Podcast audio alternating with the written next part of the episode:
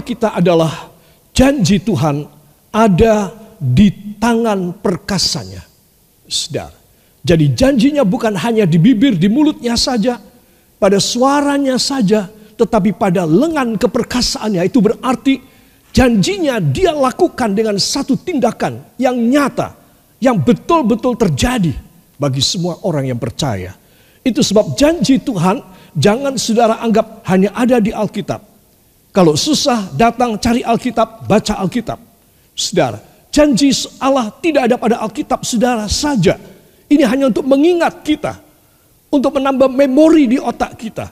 Saudara, tapi janji Allah itu sebetulnya ada pada tangan perbuatan Tuhan yang perkasa. Yang sangat kokoh dan kuat. Itu sebab para kekasih kita akan membaca lebih dahulu pada tiga buah ayat. Dari kitab ulangan fase yang ke-26 ayat 7 sampai dengan ayat yang ke-9. Di rumah saudara juga tolong membaca. Satu, dua. Maka kami berseru kepada Tuhan Allah nenek moyang kami. Lalu Tuhan mendengar suara kami dan melihat kesengsaraan dan kesukaran kami dan penindasan terhadap kami. Lalu Tuhan membawa kami keluar dari Mesir dengan tangan yang kuat dan lengan yang teracung, dengan kedahsyatan yang besar dan dengan tanda-tanda serta mujizat-mujizat.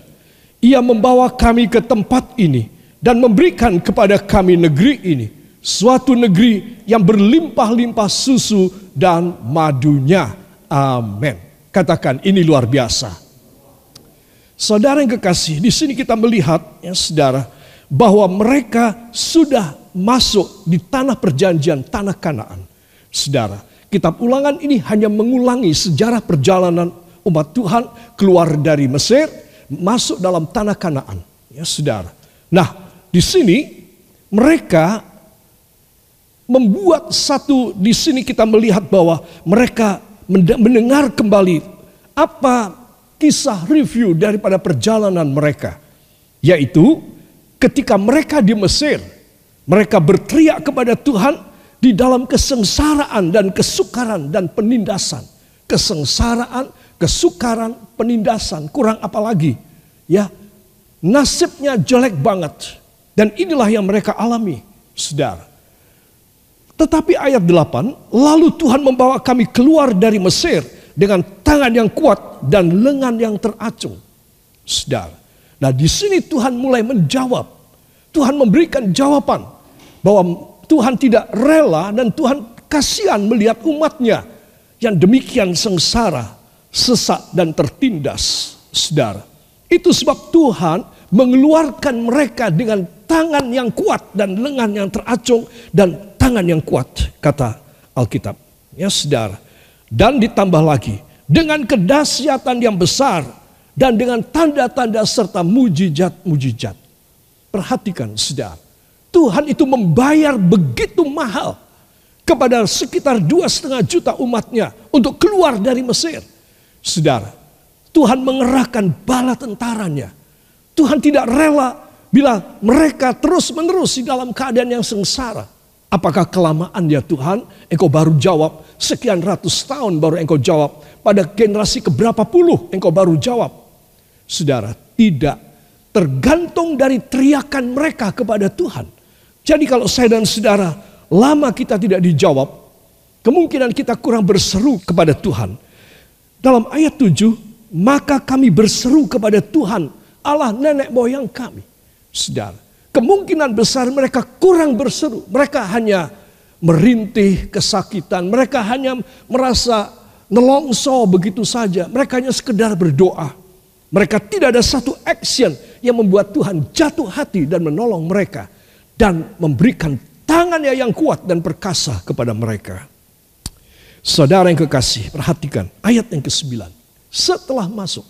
Jadi Tiga ayat ini adalah tiga momentum hidup Israel. Ketika di Mesir, mereka tertindas, mereka mengalami sengsara, mereka berseru kepada Tuhan.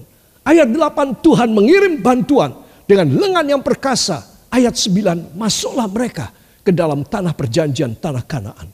Saudara. Dan mereka berkata, ya, saudara, Musa berkata, ini tanah luar biasa yang berlimpah dengan susu dan madunya. Saudara kekasih, lihat di sana, kemudian di sini. Saudara, banyak orang tidak bisa berterima kasih kalau Tuhan sudah menolong, menolong dan mengulurkan tangan kepadanya. Janji Tuhan mulai digenapi satu demi satu di dalam hidup saudara, dalam hidup saya. Seringkali kita tidak tahu berterima kasih. Ayat 10 yang tidak kita baca, itu sebab kami memberikan persembahan kepada Tuhan. Saudara, karena ini kelimpahan sekali. Di sana miskin sekali, tertindas sekali. Di sini kelimpahan sekali. Itu sebab kami mau menaikkan korban buah sulung kami kepada Tuhan. Saudara yang kekasih, janji Tuhan bukan hanya di mulut saja. Janji Tuhan dikerjakan dengan tangannya yang perkasa, yang kuat, yang teracung, dan tidak ada yang bisa melawan di dalam perjalanan mereka. Saudara yang kekasih itu sebab saya ingin mengajak semua saudara memperhatikan. Kalau saya dan saudara dalam keadaan yang berat, dan kita merasa bahwa lama Tuhan engkau tidak jawab, Barangkali kita kurang berseru kepadanya. Cobalah tambah seruan saudara. Tambahlah kesungguhan saudara. Tambahlah penyerahan diri saudara kepadanya. Saya yakin Tuhan tidak menutup telinga dan matanya. Dia pasti akan membuka mata dan telinganya kepada kita. Yang percaya katakan amin. Itu sebab para kekasih. Saya tuliskan di sini. Bahwa tangan yang kuat yang teracung Saudara, ini menunjukkan bahwa firman Tuhan, janji Tuhan bukan hanya di bibir dan mulut Tuhan saja, tetapi janjinya dia kerjakan. Apa yang dia firmankan, dia kerjakan. Kalau saya dan saudara percaya pada firman, kita akan segera percaya pada mujizat. Amin. Tetapi kalau kita tidak percaya pada firman yang keluar dari mulut Allah, tidak ada pekerjaan tangan Allah di dalam hidup saudara dan hidup saya. Itu sebab hanya mereka yang bisa percaya kepada firman Tuhan, Allah akan mulai apa yang keluar dari mulutnya, saudara, dia mulai kerjakan dengan tangannya yang perkasa. Katakan amin. Itu sebab para kekasih saya ingin mengajak satu review yang lain dari ulangan 26 ayat 7, 8, dan 9 tadi. Supaya kita boleh tahu dengan jelas ya. Saudara ada empat bagian di sini. Yang pertama, Tuhan melihat sengsara sukar, dan tindasan. Saudara, Tuhan melihat. Jadi jangan anggap saudara, Tuhan apakah engkau tidak melihat keadaan saya? Seringkali kita bicara demikian. Saudara, siapa bilang Tuhan tidak melihat? Tuhan melihat kesengsaraan, kesukaran, tindasan kita. Saudara, coba itu tadi yang saya katakan, seruan saya kepadanya, itu kurang. Ya, saudara, itu sebab di akhir zaman ini, pada masa-masa yang sulit, kita mau menambah kesungguhan hati kita, seruan kita kepada Tuhan, maka dia pasti menurunkan tangannya yang perkasa, yang percaya katakan luar biasa. Unsur yang kedua adalah diulurkan tangan kuat, dahsyat dan mujizat-mujizatnya. Dan yang ketiga diberikannya kelimpahan susu dan madunya. Saudara tidak sia-sia orang yang berseru kepada Tuhan Yesus. Percaya, kalau saudara percaya demikian, seruan saudara menghasilkan kelimpahan, susu dan madunya. Dan untuk apa itu diberi kepada Anda? Yang keempat, agar umat bisa berkorban baginya. Saudara, dari sekedar meminta, sekarang menjadi memberi kepada Tuhan. Saudara, dan itulah yang menjadi sejarah Israel. Dan semua orang Kristen pada saat ini harus juga memiliki tanda-tanda ini. Empat, empat tetenger di dalam hidupnya dia. Empat milestones, yaitu patok-patok yang memberitahu berapa jauh lagi kita pada tujuan. Dari sini menuju ke Jakarta, ya 500 sekian kilometer. Kita menuju ke sana semakin berkurang. Itu patok-patok yang memberitahu kepada kita. Para kekasih, jadi jangan lupakan. Rahasia pertama inilah yang membuat semua tetenger yang lain bisa keluar. Tuhan mengulurkan tangan, diberikannya kelimpahan, Anda bisa berkorban. Saudara, yang pertama ini penting sekali. Apakah dia? Berseru kepada Tuhan. Bila Anda dan saya berseru kepadanya, maka dia melihat sengsara, kesukaran, dan tindasan kita. Katakan amin. Saudara yang kekasih, Historinya kita akan membuka dalam kitab keluaran pasal 2. Kitab keluaran pasal yang kedua, para kekasih. Ayat yang ke-24 dan 25. Allah mendengar mereka mengerang. Lalu ia mengingat kepada perjanjiannya dengan Abraham, Iska, dan Yakob. Maka Allah melihat orang Israel itu dan Allah memperhatikan mereka. Amin. Wow. Ya. Allah mendengar mereka mengerang. Lalu ia mengingat kepada perjanjiannya dengan Abraham, Iska dan Yakob. Saudara, Tuhan tahu bahwa umat ini adalah perjanjian dia dengan Abraham, Iska anaknya dan Yakob cucunya. Saudara, tiga kakek moyang daripada Israel ini Allah masing-masing memberi janji kepada mereka. Istimewa kepada Abraham banyak sekali. Kemudian kepada Iska dan kepada Yakob. Sedar. Nah itu sebab Allah yang berjanji itu bisa dipegang janjinya. Katakan amin. Saudara kalau manusia itu sulit. Tetapi kalau Tuhan dia bisa dipegang janjinya. Itu sebab ketika mereka mengerang, mengeluh, berseru juga Ya, ulangan 26 ayat 7, 8 dan 9. Mereka berseru kepada Tuhan. Mereka mengerang keluaran fase yang kedua ayat 24. Saudara, Tuhan mendengar. Dan kalau Tuhan mendengar, Tuhan bertindak. Ini historinya dalam keluaran fase yang kedua. Ya saudara. Sehingga ayat 25, maka Allah melihat orang Israel itu dan Allah memperhatikan mereka. Kalimat ini indah sekali, Allah memperhatikan mereka. Bila saya dan Anda ingin diperhatikan oleh Tuhan, maka tidak ada cara yang lain kecuali kita lebih mendekatkan diri kepada Tuhan dan kita berseru kepadanya dan kita harus melakukan apa yang menjadi kehendaknya. Maka barulah kita menerima jawaban dari seruan kita. Katakan amin.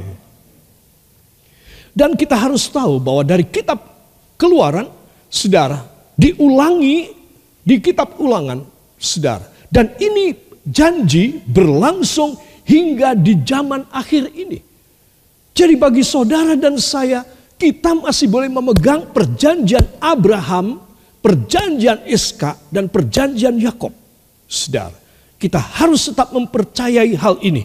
Supaya apa? Supaya kita boleh mendapatkan perkara yang besar. Pada akhir daripada khotbah saya, saya akan melihat sedikit bersama Anda perjanjian kepada Abraham. Saudara, ini cikal bakalnya. Pada zaman ini kita harus back to Jesus Christ. Kita harus kembali kepada dia. Bukan lagi kembali kepada perjanjian Tauratis. Tetapi kepada Kristus yang sudah disalib di kayu salib. Itu sebab tenaga, kekuatan, kedahsyatan dari daging dan darah Yesus. Itu luar biasa. Akan dinyatakan bagi semua orang yang menerima dia dalam hidupnya. Saudara, itu sebab kita harus kalau zaman dulu mereka Tuhan kembali kepada perjanjian Abraham, Iska dan Yakob. Pada zaman sekarang, saudara dan saya diminta untuk kembali pada perjanjian-perjanjian yang keluar dari mulut Allah, yaitu dari mulut Tuhan Yesus. Ya, saudara, itu sebab ini hal yang penting sekali. Para kekasih dalam Mazmur fase yang ke-33, ayat yang ke-16 sampai dengan ayat yang ke-22, saya perlu kita membaca agak panjang, saudara, karena di sinilah historinya. Saya akan bacakan, saudara di rumah mengikutinya. Seorang raja tidak akan selamat oleh besarnya kuasa. Seorang pahlawan tidak akan tertolong oleh besarnya kekuatan. Kuda adalah harapan sia-sia untuk mencapai kemenangan yang sekalipun besar ketangkasannya tidak dapat memberi keluputan. Sesungguhnya mata Tuhan tertuju kepada mereka yang takut akan Dia, kepada mereka yang berharap akan kasih setianya, untuk melepaskan jiwa mereka daripada maut dan memelihara hidup mereka pada masa kelaparan. Jiwa kita menanti-nantikan Tuhan. Dialah penolong kita dan perisai kita. Ya, karena Dia hati kita bersuka cita. Sebab pada namanya yang kudus kita percaya. Kasih setiamu ya Tuhan kiranya menyertai kami seperti kami berharap kepadamu. Amin. Katakan luar biasa. Saudara dimulai dari ayat 16 dan 17. Saya perlu kalau saya perlu menjelaskan bila mana saya dan Anda tidak kembali back to Jesus Christ, then you and I we will fail all our ways and all our days and years toward us. That's why we have to surrender our life. And we cannot just receive all the promises in this world and all the strength and all the scientific of this world. Because only Jesus Christ can save us more than horse, more than heroes that we just read it. Di dalam ayat yang ke 16 di dalam ayat 16 dan 17 ada orang yang mengandalkan pada kuda mereka. Pahlawan yang mengandalkan pada kuda mereka, raja yang mengandalkan pada kekuasaannya yang besar. Saudara, mengapa ya pemazmur mengambil alegoris ini? Raja tidak akan selamat oleh besarnya kuasa. Alkitab, seluruh Alkitab sudah menceritakan. Kemudian dalam zaman peralihan, dari zaman kuno menuju pada zaman semi uh, semi separuh modern, kemudian zaman modern, semua penguasa di dunia, kepala negara, raja, ratu dan kaisar, saudara, tidak ada yang selamat karena mereka berkuasa. Saudara, bila rakyat bergolak pasti jatuh, saudara. Nah, itu sebab di sini kita melihat bahwa tidak ada raja yang boleh mengandalkan pada kekuasaannya. Dua, pahlawan tidak akan tertolong oleh besarnya kekuatan. Tiga, kuda adalah harapan sia-sia.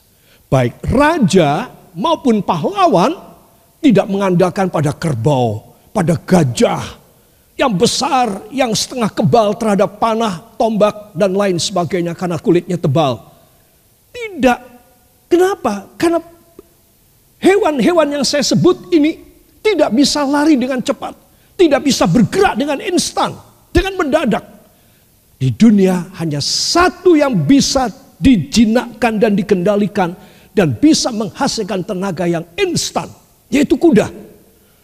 Itu sebab tidak heran sepeda motor maupun mobil, truk, dan pesawat semua yang dihitung E energinya adalah tenaga kuda. Tidak ada tenaga sapi, tidak ada tenaga banteng, badak, tidak ada. Semua memakai tenaga kuda. Alkitab sudah menulis bahwa kudalah adalah satu makhluk yang bisa dikendalikan dengan instan. Mempunyai torsi yang besar kalau dalam istilah mekanikal. Saudara yang kekasih, kuda adalah harapan sia-sia untuk mencapai kemenangan.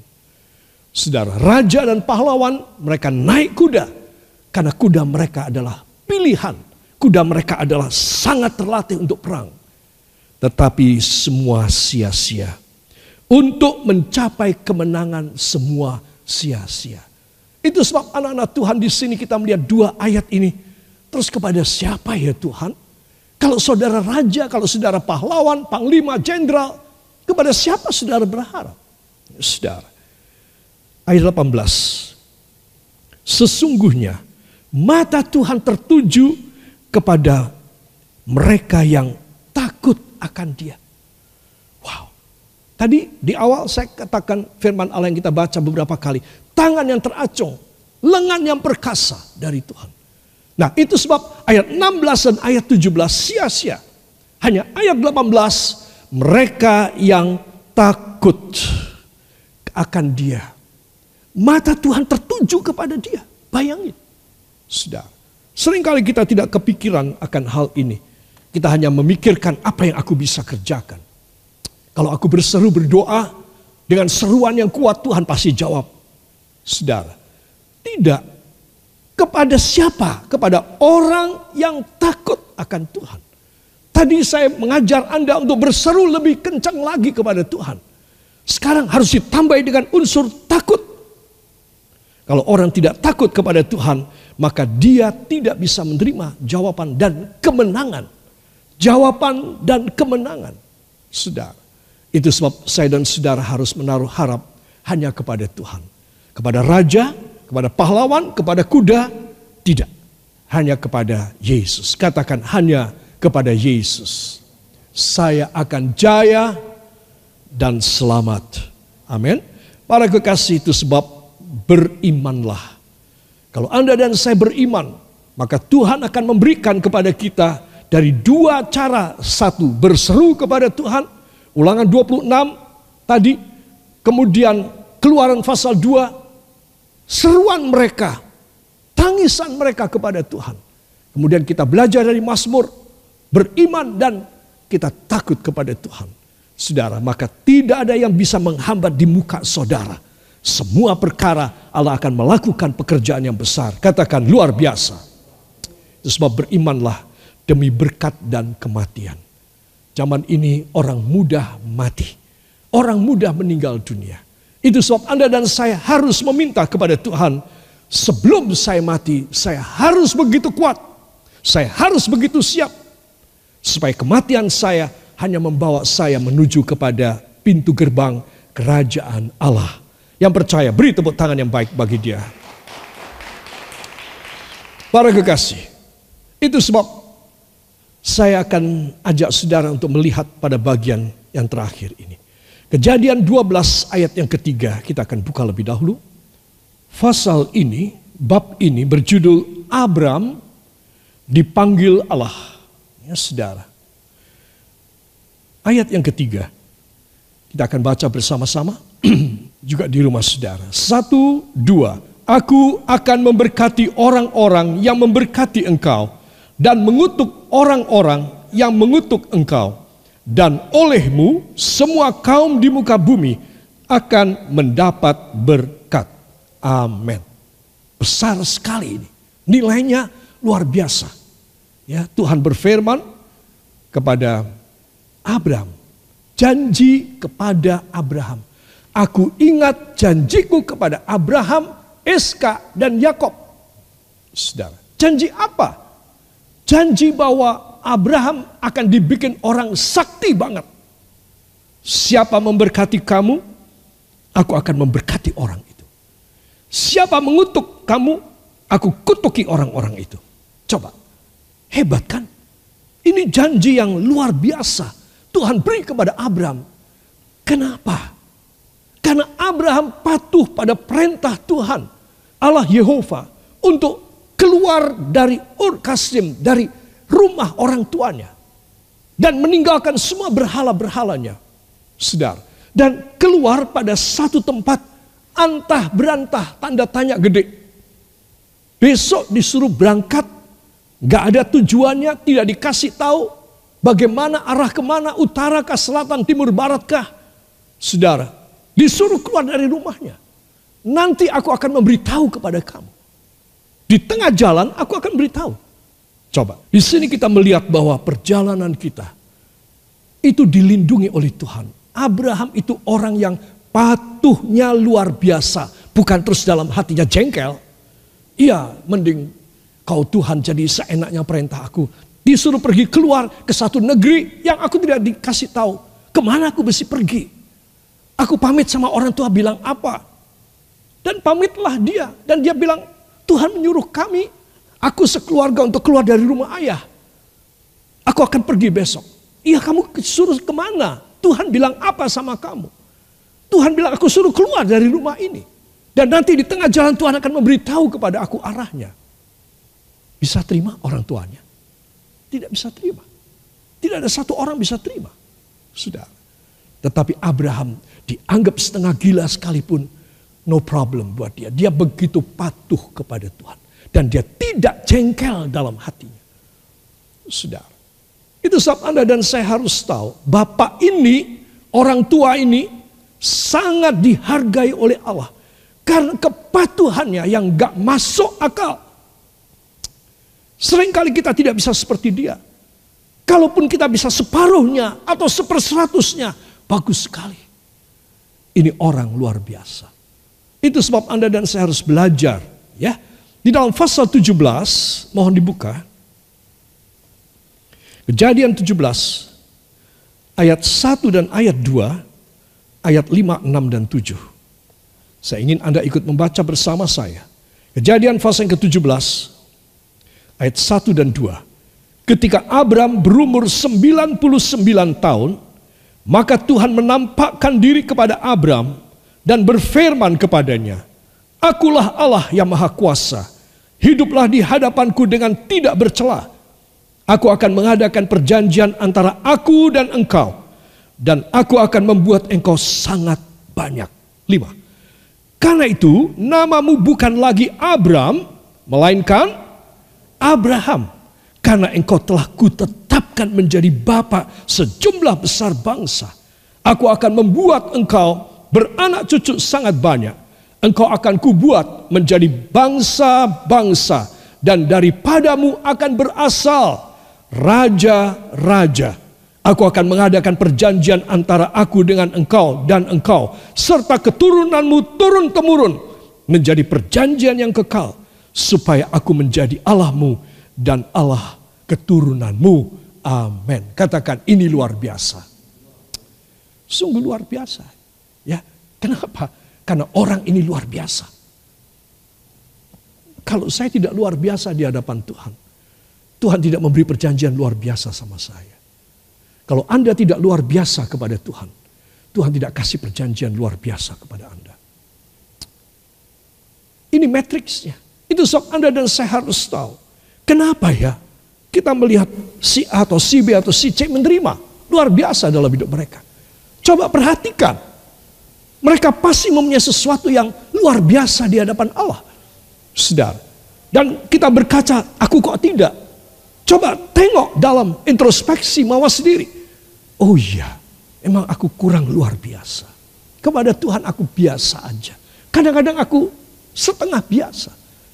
Jangankan biasa, setengah biasa. Apalagi harus luar biasa. Aku jauh banget. Sehingga saya nyadar, Anda nyadar tidak menyalahkan Tuhan.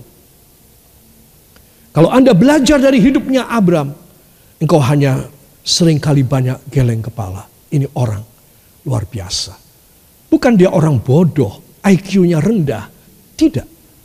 Dia seorang yang pintar, dia seorang saudagar yang mumpuni. Saudara, kekayaannya banyak. Entah dia begitu taat kepada Tuhan. Saudara, kalau dia sedang tidur di kemahnya dan tengah malam Tuhan memanggil dia, Abraham keluar dari tendamu. Dia pergi keluar.